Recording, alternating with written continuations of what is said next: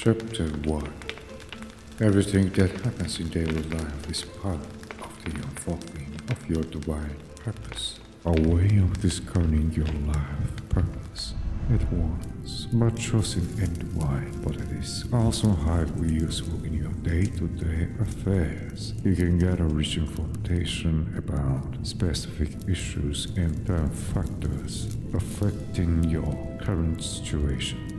A tarot reading with the karmic spree is not only diagnostic, but prescriptive.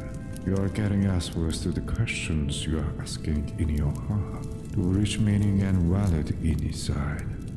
A reading must be both passive and active. Passive in emotional and spiritual planes in order to listen and receive information, and active in physical and mental planes in order to validate and interpret our message. Karmic Tarot explains the underlying principles and patterns at work in Tarot rather than having you memorize what other size given card means. It's kindless knowledge hidden within you when you discover the essence of the cards and their relationship in the deck. Their passions, meaning will always be there when you need them. When you read the cards, their meanings will be bubble up from deep inside you with little or no effort. The tarot is both a rational and intuitive system, a marvelous blend of right and left brain thinking. It is a logical system of archetypal symbols and structured layouts on which an intuitive right brain can play a half of the game. This makes it an excellent tool for exercising and training the war brain in any field of interest. The tarot is also an excellent and friendly introduction of metaphysics, as it embodies so many of underlying mysteries of the universe. Karmic Tarot tells on your movement through your own universe, the evolution of your personal consciousness. I think the tarot was conceived as a tool to aid us in fulfilling our divine purposes.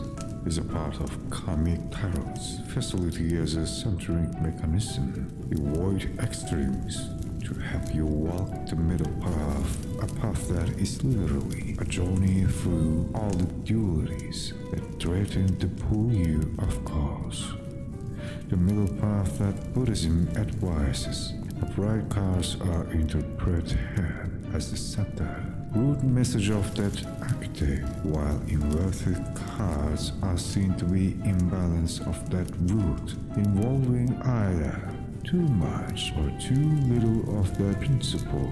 You will see for the first time how the minor arcana with the major arcana to define a path of evolving consciousness, a structure within each of the arcana, as well as a structural relationship between the two, is uncovered.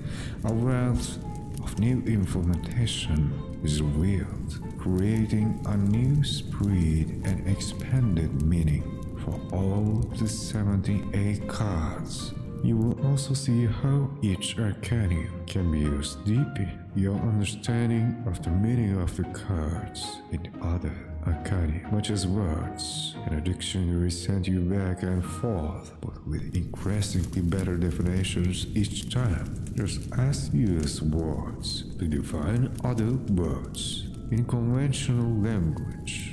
You can use cards to define other cards in the language of the tongue.